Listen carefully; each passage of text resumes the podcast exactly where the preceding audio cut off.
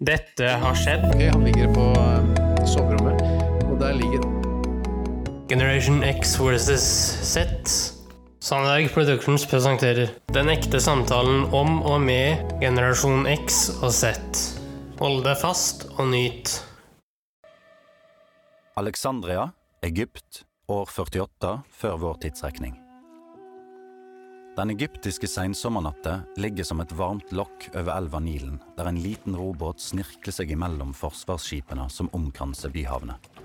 Mannen i båten trer i land og sliter seg oppover stranda med en stor, tung striesekk hengende over den ene skuldra. For hvert skritt synker beina ned i sanden, før han omsider når målet sitt, residensen til Julius Cæsar.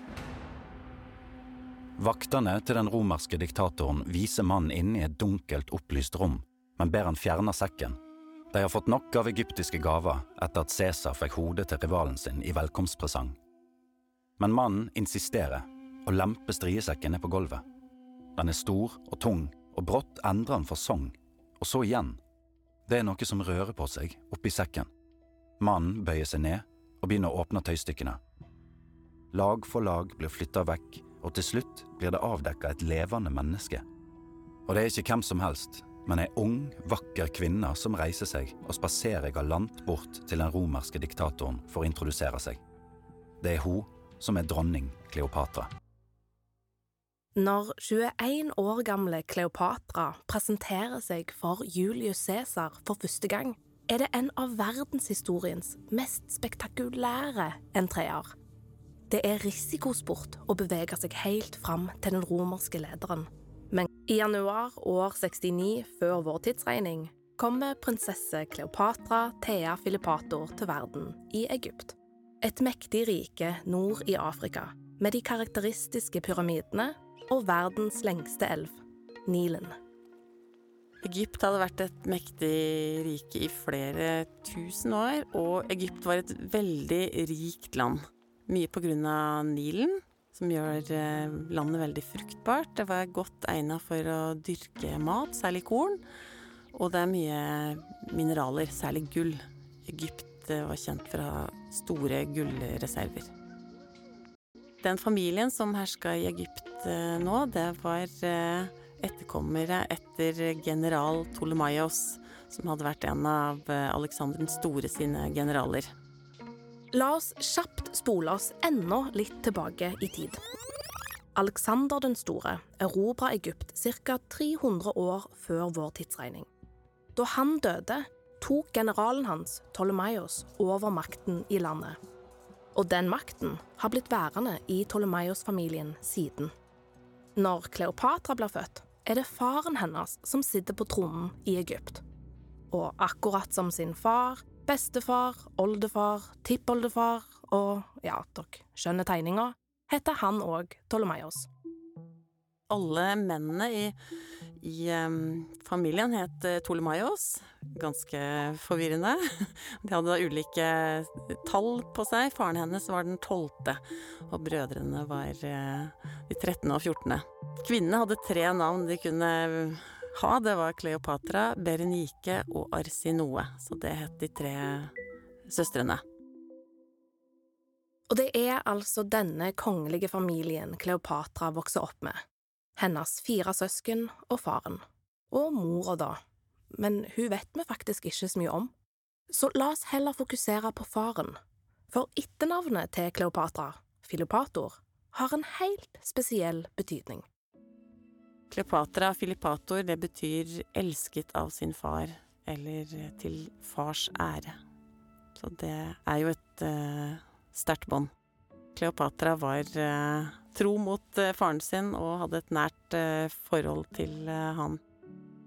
Kanskje blir Kleopatra skjemma litt ekstra bort av faren. Og i så fall er det godt gjort, for oppveksten er på generell basis ganske så ekstraordinær. Familiehjemmet, altså det gigantiske familiepalasset, er smykka i overdådig luksus. Med gullbelagte vegger, skilpaddeskall, smaragder og marmorgulv. Og det ligger i Alexandria, hovedstaden i Egypt på denne tida. Antikkens største by, med rundt en halv million innbyggere og flere etniske folkegrupper og språk. Alexandria den eh, ble grunnlagt eh, til ære for Alexander den store. Alexandria var en eh, veldig livlig by og en moderne by. Det var rette og breie gater, og det var høye statuer. Det var en staselig by og et kunnskapssentrum. På den tida så ble det regna med sju underverker i verden, og to av de var i Alexandria. Biblioteket og fyrtårnet på Faros. Biblioteket er verdens største, og på det tilhørende universitetet gjøres banebrytende forskning. Blant annet regner forskere ut jordas omkrets, finner ut at jorda går i bane rundt sola, og eksperimenterer med dampkraft. Som prinsesse har Kleopatra tilgang til hele dette akademiske miljøet i oppveksten. Og med verdensledende greske filosofer og etiopiske matematikere som privatlærere, sier det seg sjøl at utdannelsen ikke er helt A4. Kleopatra studerer filosofi, matematikk, historie, astronomi, medisin og talekunst. Og som voksen skal hun kunne tale til de aller fleste. Hun kunne ni eller kanskje ti eh, språk, og imponerte stort med alle utsendinger som kom til Alexandria, at du kunne svare dem på deres eget språk. Og det sies også at hun var en eh, av de få, kanskje den eneste av eh, Ptolemaios-slekta som gadd å lære seg egyptisk og kunne snakke med sitt eget folk. Men rikdom og en eksepsjonell utdannelse er ikke det eneste som preger oppveksten til Kleopatra. Hun anses nemlig som en halvgud. Det var sånn historisk i Egypt at eh, kongene, faraene, de var ikke bare konger, de var også guddommelige. Og samtidig så prøvde de å bevare makta i familien, så de gifta seg med hverandre for ikke å søle til det kongelige blodet. Gifte seg med hverandre, sier du? Her trengs det nok en liten forklaring. På denne tida er giftermål en grei måte å bygge allianser på. Romerske ledere gjør det hele veien. Men at bror og søster, eller mor og sønn, gifter seg med hverandre, det er litt mer uvanlig. Men det er altså på denne måten Ptolemaios-familien klarer å beholde makten, samtidig som det beskytter det guddommelige blodet deres. Ved å gifte seg med hverandre hever de seg rett og slett over vanlige egyptere. Når det gjelder produksjon av barn, vet vi ikke om, eller i så fall hvor mange, de får med hverandre, men det er ikke usannsynlig at det har sneket seg inn et friskt tilskudd av gener fra tid til annen i løpet av generasjonene. Men det er mer enn dette som skiller familien til Kleopatra fra en typisk familie. Familien til Kleopatra var ikke sånn som vi tenker på en eh, familie som sitter eh, hjemme og ser TV sammen eller gjør eh, hyggelige ting. Her var det maktkamp. I kampen om tronen har familiemedlemmene ulike allianser, rådgivere og fortrolige. Og om ikke lenge skal Kleopatra erfare at familiekonflikter betyr uro, krig og blod. Enn så lenge fortsetter Kleopatra skolegangen innenfor palassmurene. Men når hun er rundt elleve år, begynner situasjonen i Alexandria å endre seg.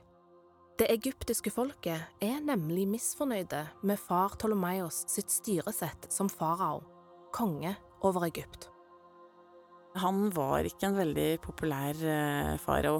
Folket mente at han eh, hadde for sterke bindinger til eh, Roma. At han betalte for mye penger, rett og slett, for å opprettholde gode forbindelser. Ptolemaios er avhengig av å være på godfot med Romerriket for å beholde makten over Egypt. Stormakten i nord har sikla lenge på de egyptiske områdene og er mildt sagt fysende på å ekspandere rundt Middelhavet. Faraoen har klart å holde unna de sultne ulvene med bestikkelser.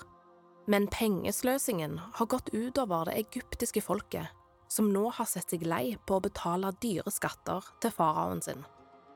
Folket gjør opprør mot Ptolemaios, som er redd for å miste kontrollen Opprørene blir større og større, og til slutt er det bare én ting å gjøre.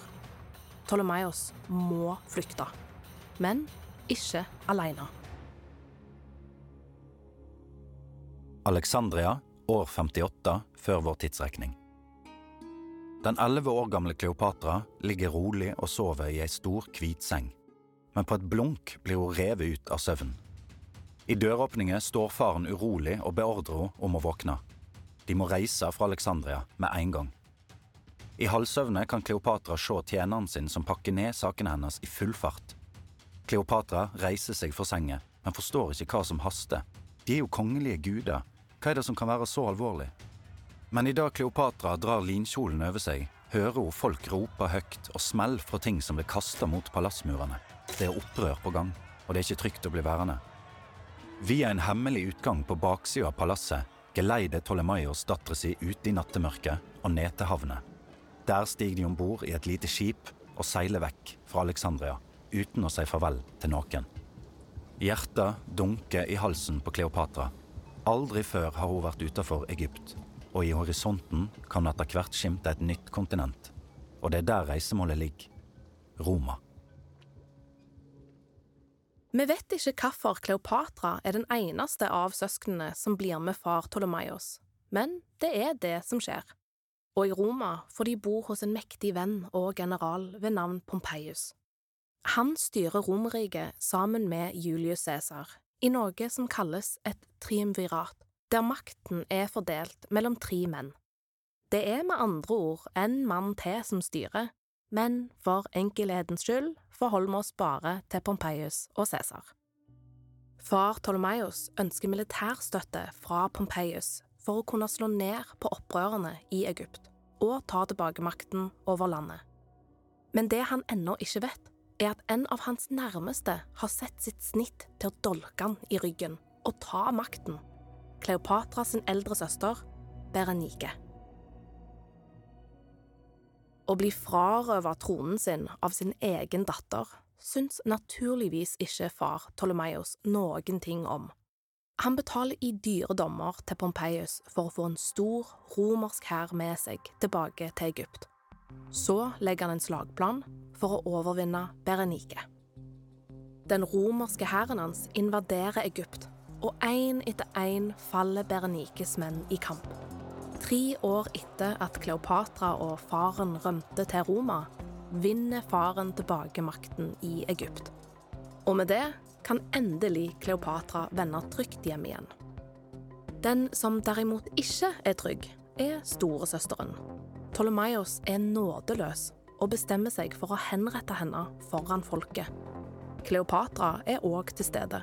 Hun sitter på et provisorisk tilskuergalleri og følger med idet en bøddel sakte løfter øksen og lar han falle over nakken til Berenike, som dør momentant. Vi vet ikke hva Kleopatra tenker om å miste søstera si på denne måten, men det er kanskje en ørliten glede ved det. For nå er hun den eldste av søsknene, og blir dermed den rettmessige arvtakeren til tronen. I Egypt, i motsetning til eh, Romerriket, så var det større muligheter for kvinner til å delta i, eh, i samfunnslivet, og også være hersker over eh, landet. I Egypt har det vært flere kvinnelige faraoer, men tittelen kommer sannsynligvis tidligere enn Kleopatra forventer. For allerede før hun fyller 18 år, dør faren. Vi vet ikke hvordan, men det er ikke utenkelig at det er alderdommen som tar han. For å leve i 61 år er mye på denne tida. Og med det mister Kleopatra sin viktigste støttespiller. Men det betyr òg at det store øyeblikket endelig kan finne sted. Kleopatra arver kongeriket og blir dronning av Egypt. Hun blir farao. Etter hvert så blei det en konflikt mellom eh, Kleopatra og eh, lillebroren, Ptolemaios. Og det førte faktisk til at Kleopatra måtte flykte og holde seg unna en stund. I år 49 før vår tidsregning jages 20 år gamle Kleopatra ut av Alexandria nok en gang. hvor hun drar, er litt usikkert, men etter en hel del reising ender hun opp nordøst i Egypt. Og med seg har hun en hær av arabiske leiesoldater som kan slå tilbake mot Ptolemaios den 13. Soldatene deres kjemper på grensen i det østlige Egypt. Og på samme tid foregår viktige kamper i Roma, og de kommer til å bli helt skjebnesvangre for Kleopatra. General eh, Pompeius, som hadde vært en god venn av faren til Kleopatra, han eh, måtte flykte fra Roma og søkte tilflukt i Alexandria. Han var i konflikt med eh, sjølveste Cæsar. Pelusium, Egypt, år 48 før vår tidsrekning. Kleopatra vifter med håndene for å få vekk horden med mygg som svermer rundt henne. Hun plukker opp en fiken og skal til å ta en bit idet en av rådgiverne hennes kommer bort til henne. Det er nyheter fra slagmarket. Pompeius har måttet flykte fra Roma, og nå har Tolemaios den 13. drept han på egyptisk jord. Kleopatra lytter nøye til det rådgiveren har å si, og tar en bit av fiken. Rådgiveren ser alvorlig på henne før han fortsetter. Julius Cæsar er på vei til Alexandria og forventer nok å finne Pompeius i live. Kleopatra kaster fra seg fiken. Dette er muligheten hun har venta på. Borgerkrigen mellom Cæsar og Pompeius nærmer seg slutten. Men idet Cæsar setter seil mot Alexandria, er det bare Kleopatra og broren hennes som vet hva som har skjedd med Pompeius. Han hadde jo regnet med å få hjelp i Alexandria, eh, men eh, når han kom i land der, så sørga Tolemaios eh, for at han ble halshogd ganske raskt foran både kone og barn. Og når Cæsar kom ikke lenge etterpå, så viste Tolemaios stolt fram hodet til motstanderen hans. Og hadde nok tenkt at han skulle få klapp på skuldra, men det gikk ikke helt som han hadde tenkt. Cæsar han begynte å gråte, og en romersk statsmann skulle ikke møte en sånn eh, skjebne. At gaven ikke faller i smak, er godt nytt for Kleopatra. For nå er hun ikke lenger den eneste som vil ta knekken på lillebroren. Og det fører oss tilbake til det spektakulære første møtet mellom den 21 år gamle Kleopatra og den 52 år gamle diktatoren Julius Cæsar. Det her er jo en eh, sagnomsust eh, scene der uh, unge, nydelige Kleopatra bare blir på en måte nesten avduka foran eh, Cæsar, som faller for henne med en gang. Om det var sånn? Det veit vi ikke. Men de, eh, de blei i hvert fall kjent. Og de falt også for eh, hverandre.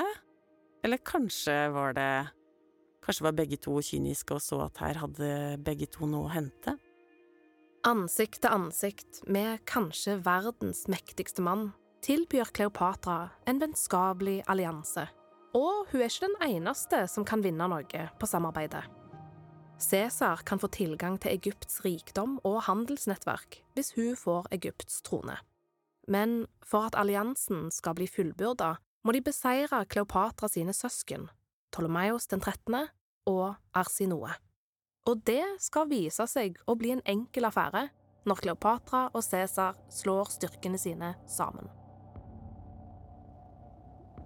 I en intens kamp ved Nilen drukner lillebror Ptolemaios mens lillesøster Arsinoe ender opp i fangenskap før Cæsar sender henne til eksil i Romerriket. Og med det går Kleopatra og Cæsar seirende ut av kampen. Nå kan endelig Kleopatra ta plass der hun hører hjemme, på toppen av den egyptiske tronen. Og hvem skal Kleopatra regjere sammen med nå? Det er jo enda en lillebror. Ptolemaios den 14., så det blir da den nye mannen eh, hennes og faraoen. Nei, Kleopatra klarer ikke å unnslippe de irriterende småbrødrene. Men som da hun regjerte med den andre broren sin, er det liten tvil om hvem som sitter i førersetet. Kleopatra var kjent som en uh, dyktig hersker. Godt utdanna og får vi tru, hadde gode rådgivere. Hun herska sammen med brødrene sine, men var den absolutt eh, styrende og dominante. Det sies at Kleopatra, med det lange, mørke håret, er usedvanlig vakker, nesten uten sammenligning. Kanskje det er utseendet Cæsar faller for, eller kanskje det er intellektet.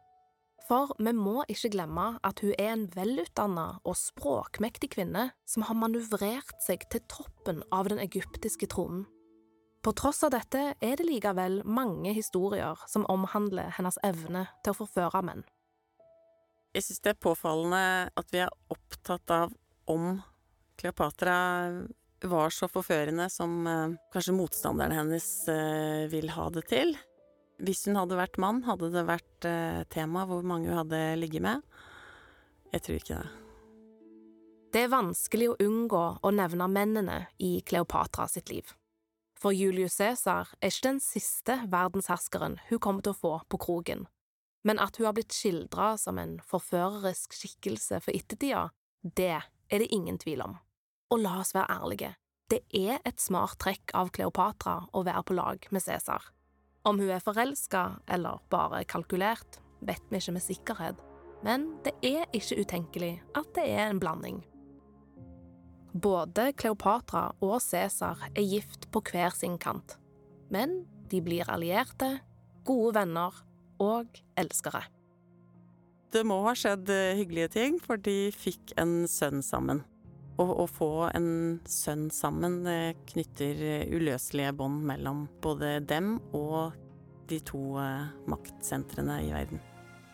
Kleopatra er 22 år gammel når hun føder sønnen, 47 år før vår tidsregning.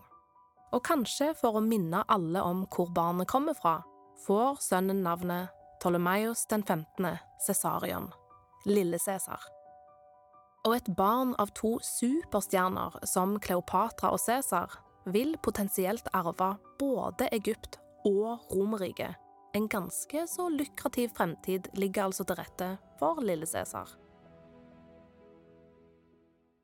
I år 46 før vår tidsregning tar Kleopatra med den nyfødte til Roma for å tilbringe mer tid med Cæsar, ektemann og lillebror Ptolemaios den 14., tjenere og rådgivere er med på reisen. I Roma bor hun i et av Cæsars store hus i byen, og han er ofte på besøk. Kleopatra blir raskt husvarm. Hun arrangerer store fester der alt fra filosofer til kjente fløytespillere er invitert. Kleopatra vakte nok ganske mye oppsikt eh, i Romas eh, selskapsliv. Hadde sin e helt egen eh, stil og var jo en veldig rik dame. Hun ble godt lagt merke til. Romerske kvinner er ikke vant til å se en gudinne som Kleopatra, som tiltrekker seg oppmerksomhet og soler seg i glansen. Men Kleopatra vet godt hva hun er, og det vet Julius Cæsar òg. Roma år 46 før vår tidsrekning. Det nye Venus Genetrix-tempelet har skapt oppstandelse blant romerne. Det er det mest påkosta bygget, ikke bare i byen, men i hele Romerriket. Tempelet er dekorert med fargerik marmor frakta fra ulike hjørner av riket, og er fullt av kostbare kunstverk og gjenstander, som for eksempel en rustning dekka med perler fra Britannia. Honninggule søyler av kostbar marmor fra dagens Tunisia rammer inn det viktigste rommet av de alle, gudsrommet. Og det er der den står, statuen av Venus, kjærligheten og skjønnhetens gudinne i den romerske mytologien. Men nå står hun ikke lenger alene, for etter ordre fra Julius Cæsar har enda en statue blitt reist side om side med Venus. En forgylt og høgreist statue av Kleopatra. At et levende menneske skal få en statue i det romerske guderommet, rett ved siden av Venus, er helt på grensen til krenkende for det romerske folk. Gudinnen Venus regnes nemlig som romernes mor. Ved å plassere en statue av Kleopatra side om side med henne, erklærer Cæsar sin kjærlighet til henne for absolutt alle. En forgylt statue får sjøl den største diamanten på en ring til å bleikne i forhold. Og det kan godt tenkes at Kleopatra blir glad for gaven. Men både romansen og alliansen med Julius Cæsar får en brå slutt. Etter to fargesprakende år i Roma vender Kleopatra tilbake til Egypt. Der sørger hun over tapet av Cæsar, samtidig som hun må beskytte den egyptiske tronen. Middelhavet kryr av ulike hærer av leiesoldater, romerske legioner og ulike konger fra riker i Østen. Det er mange som gjerne vil ta hennes plass på tronen, og uten Cæsar står hun svakere enn på lenge. Gudinnen Kleopatra vil som vanlig ikke gifte seg med vanlig dødelige mennesker, og uten noe mannlig medlem av søskenflokken å regjere med, gifter hun seg med sin tre år gamle sønn Cæsarion. Ja, du hørte helt riktig, Kleopatra gjør sin tre år gamle sønn til medregent, sånn at de kan beholde makten helt for seg sjøl. Tarsus, år 41 før vår tidsrekning. Seilende inn elveleiet i et skip med forgylt bau, røde seil og sølvfarga åre kommer Kleopatra fram til den lille havnebyen. Oppstilte musikanter spillende på fløyte, sekkepiper og lyre varsler den egyptiske dronningens ankomst fra baugen på skipet etter flere dagers ventetid. Og den som har venta lengst, er den romerske lederen Marcus Antonius. Han stiger om bord på det luksuriøse skipet og blir umiddelbart sjarmert av den sjølsikre kvinna som tar han imot. Kleopatra har kledd seg opp i gull og smykke og sparer ikke på noe når det kommer til å bevise rikdommen sin. Et mylder av tente lys omkranser de to lederne mens de ligger på hver sin divan og sladrer i timevis om alt fra felles kjente til krig og kjærlighet og alt imellom. Tjenerne, utkledd som engler, serverer de dyreste delikatesser, mens Marcus Antonius blir mer og mer imponert. Og når kvelden til slutt kommer, kan Kleopatra smile lurt for seg sjøl. For nå har hun Antonius akkurat der hun vil ha han. Under møtet med Antonius utnytter Kleopatra den enorme rikdommen hun har opparbeidet seg gjennom årene. Og selv om Antonius er en gift mann, er det åpenbart at han blir sjarmert. Antonius han var eh, glad i en fest. Han var en eh, kriger og en eh, general, men han var også kjent for å være en glad gutt, så jeg tenker han likte seg på Kleopatras fester. Partykongen Antonius elsker Kleopatras himmelske oppvartning, og i takt med festmusikken banker hjertet hans for den egyptiske dronningen. Om Antonius sine følelser for Kleopatra allerede er gjensidige, det vet vi ikke. Men det vi vet, er at hun bruker de for å få det sånn som hun vil. Kleopatras eh, interesse var jo å bevare et eh, sterkt Egypt og å ha utstrakt eh, handel med andre land, altså i hovedsak eh, Romerriket. Antonius, han var ute etter eh, penger og militære styrker. Roma skulle ekspandere. Når Kleopatra viser fram og demonstrerer hva hun har av rikdom, så er det et tydelig signal om at hun kan finansiere militære ekspedisjoner. Og det hun ønsker seg til gjengjeld, det er å få søstera si Arsinoe drept. Kleopatra har hatt lite til overs for søsteren Arsinoe helt siden hun prøvde å kuppe makten med broren. I over fem år har søstera sittet i eksil i Roma, men nå har Kleopatra fått nok. Hun ønsker Arsinoe død. Og er du en stup forelska Marcus Antonius, så er du ikke vond å be. Han sender av gårde noen soldater som drar Arsinoe ut av tempelet hun sitter i, og henretter henne på trappene foran helligdommen. Antonius har et uh, fruktbart år. Han får en datter med Octavia, og så får han tvillinger med Kleopatra. Det er en gutt og ei jente, og vanligvis så skal jo guttene i familien hete Tolemaios. Nå blir det Alexander Helios og Kleopatra Selene. Og Helios betyr sol, og Selene betyr måne. Så det er sjølve sola og månen som Kleopatra har født. Kanskje sier barnenavnene noe om hvor Kleopatra putter seg sjøl i universet. Og det er ikke uten grunn at hun har høye tanker om seg sjøl.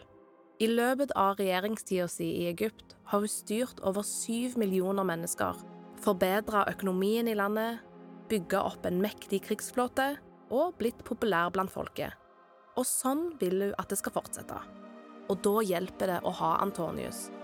For sammen blir de Middelhavets største maktpar. Men det faller ikke i god jord for resten av Romerriket. Antonius eh, har ansvaret for eh, Egypt og skal holde forbindelsen der eh, god. Men kanskje blir den litt for god. Han er mye hos Kleopatra, det lager dårlig stemning. Og etter hvert så gir eh, Antonius bort eh, store landområder til, eh, til barna som han har sammen med Kleopatra. Eh, og det blir tatt eh, dårlig imot. Med egendesignede mynter med Marcus Antonius på den ene sida og Kleopatra på den andre, hyller de hverandre. Inskripsjonen på Kleopatras side av mynten lyder Kleopatra, dronning over konger. Hun steller i stand en storslått seremoni for å feire den nye tittelen. Og som vi vet, er ikke Kleopatra fremmed for det pompøse og luksuriøse. Denne gangen er det imidlertid ingen tvil om den guddommelige statusen hun har.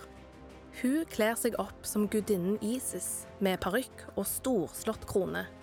Kronen har rovfuglvinger og oksehorn, akkurat som gudinnen sjøl. Kleopatras rike er nå på sitt største noensinne. Og med Marcus Antonius ved sin side kan Kleopatra øyne keiserdømmet Roma i horisonten.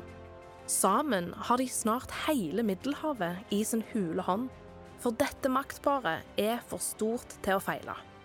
Eller? Hun overtaler Antonius til å endre testamentet sitt, sånn at det står svart på hvitt at Cesarion en dag skal arve Romerriket. Og med det ligger alt til rette for at Kleopatra skal få det sånn som hun vil.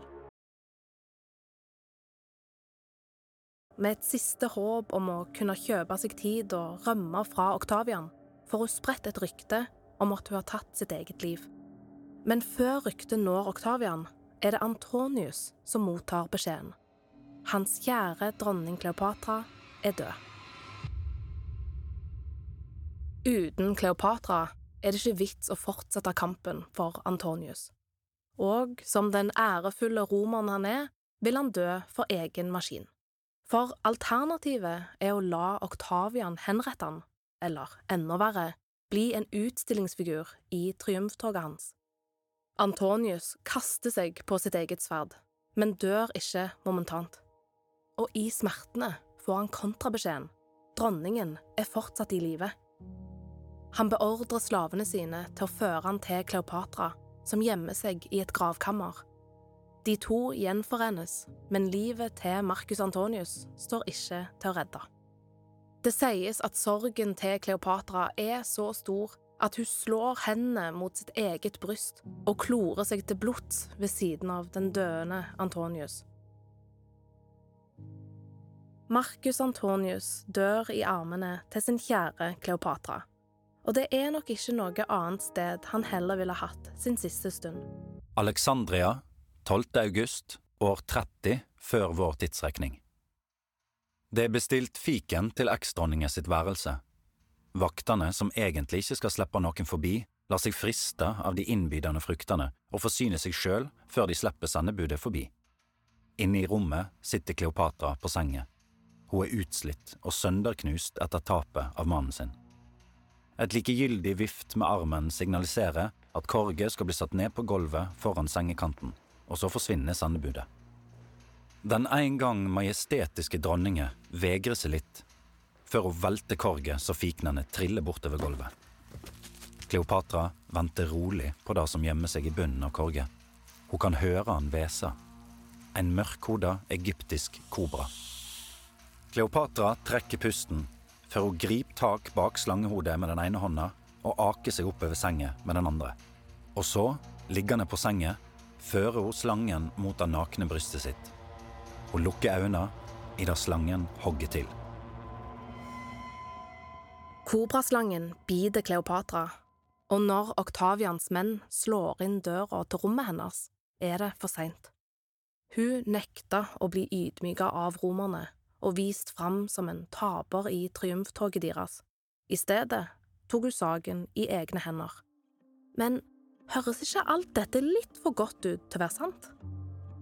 Hvordan døde Kleopatra? Var det kobra? Antageligvis ikke, for det fører til helt andre symptomer. Oppkast og kramper og veldig ja, lite, lite elegant død, da. og det sies at det kan ha vært en hårnål, det kan ha vært gift. Det kan jo også tenkes at eh, ryktet om sjølmord har blitt eh, satt ut av romerne. Men eh, vi veit faktisk ikke hvordan hun døde. Vi veit eh, når Kleopatra døde, men ikke akkurat eh, hvordan. Uansett hvordan det skjer, dør Kleopatra på slutten av borgerkrigen, 39 år gammel. Og med henne dør òg en flere tusen år gammel egyptisk tradisjon. For nå blir Egypt en del av Romerriket. Faraoens æra er forbi. Hei, hei, kjære lytter, og hjertelig velkommen til eh, dagens episode av Generasjoni X versus Z.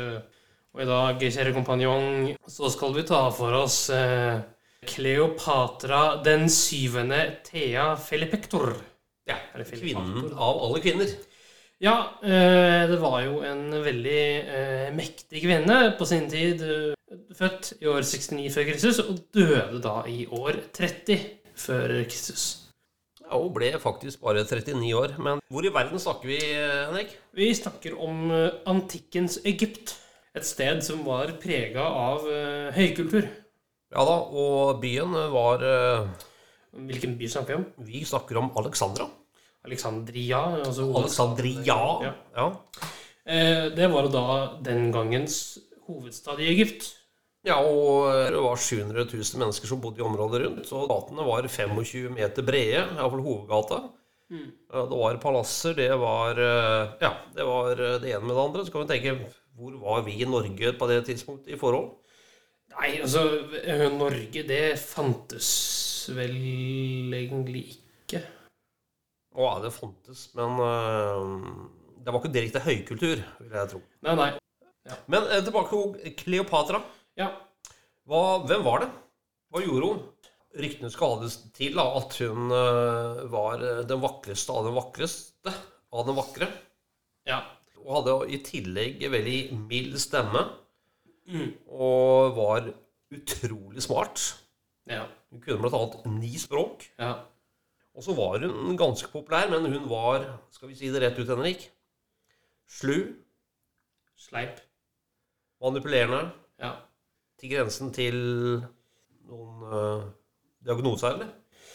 ja stormannsgalskap, eh, kan man også si det da. Ja. Men hun, eh, hun gjorde mye. eh, noe bra og noe helt forferdelig. Ja. Men det skal vi komme tilbake til. Ja, ja. Eh, Hun hadde da fem søsken. To yngre søsken og to eldre. Men det virka sånn for meg at hun hadde veldig godt forhold til faren. Altså Der var det sånn veldig god kjemi, da. Ja, altså Etternavnet Filipator det betyr jo 'elsket av sin far'. Og vi begge har hørt en bok om eh, som beskriver det forholdet ganske detaljert. Og, og han, faren hennes han dør jo da når eh, Kleopatra er 18 år gammel. Ja, og så er jo Altså, hva skal jeg si for deg? Hun gifta seg med sin yngre bror, som var Broren var ti år. Ja, Så det Jeg tror vi eh, har pirra nok, håper jeg, til at vi spiller av snutten. Skal vi det?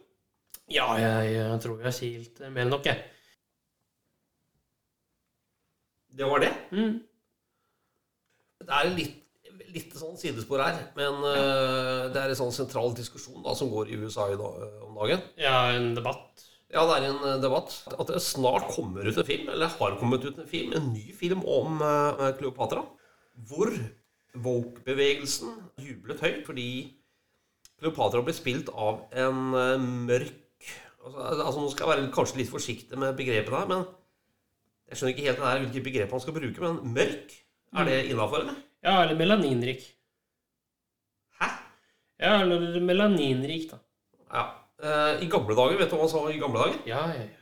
Det er iallfall en ny film om Kleopatra. Skal du se den? Kanskje. Jeg lurer på, skal vi se den, da? Ja, jeg må bare finne den.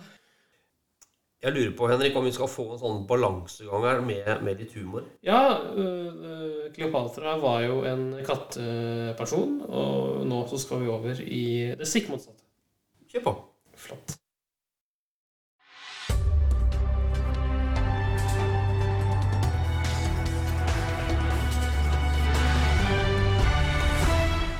NRK-hjørnet.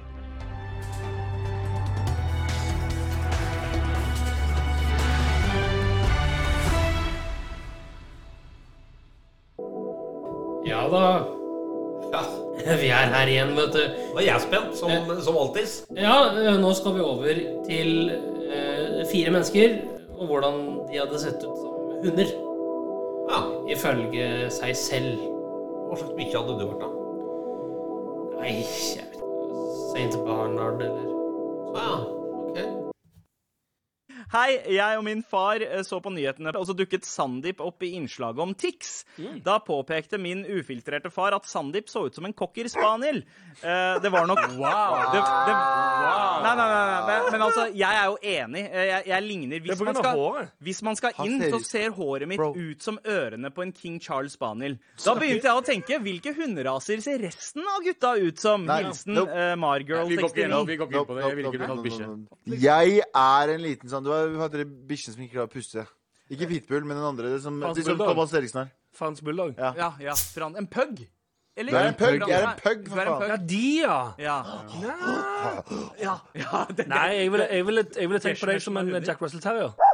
Å ja, oh, som aldri Mye- klarer å stå stille. så Ja, bare- alltid litt på. Mye personlighet, men krever òg mye oppmerksomhet. Og De er veldig fine. Takk skal du ha. Og helt riktig, Anders. Galvan er en Jack Russell Terrier. Ja. Eh, Abu, du er en katt. Anders, katt. generell katt? Anders, du er sånn en lang, sånn, litt sånn er elegant jo hund. du. engelsk, det engelsk, med så lang fjes. Ja. Veit hva Anders er? Han er ikke, dessverre ikke en eh, hund. Han er en eh, hvit mink. Gjerne.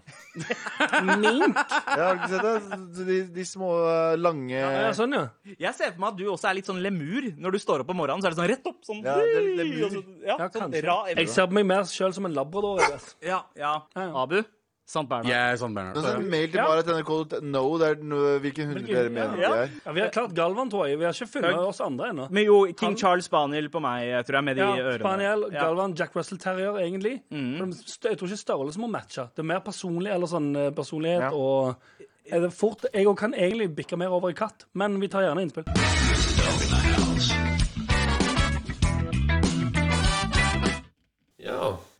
Du finner på, ja. ja da. uh, ja, altså, jeg tenkte litt mens vi hørte her uh, eh, på det med deg, og du, hva du hadde vært. Det er jo klinkende klart. Ja vel. De som kjenner deg, vil nok kalle deg en Spanish cocker spaniel. Um, Ok. Er det bra, eller? Eh, ja, det spørs hvordan du ser på det. Uh, Ja, åssen vil du se på det? nei, altså du er ganske livlig, da. Du gjør veldig mye. Ja. Eh, Og det gjør også disse eh, Spanish cocker spanielene. At de flyr veldig mye rundt. Og det gjør du også. Så Jeg tar det som et kompliment, jeg. ok. Jeg gjør det. Eh, Men eh, jeg sier tusen takk for i dag. Men hva, hva blir det neste uke? Nei, eh, neste uke så blir det Vi kommer litt sterkere tilbake. Det kan jeg si med sikkerhet. eh, Vil jeg håpe, da. Ja da, det gjør vi. Ha det godt så lenge. Ha det godt. du. Tusen takk for at du fulgte oss. Eh, Gi gjerne tilbakemelding, likes eller kommentar på Facebook-siden vår Generation X versus Z. Velkommen igjen til neste podkastepisode. Hei då!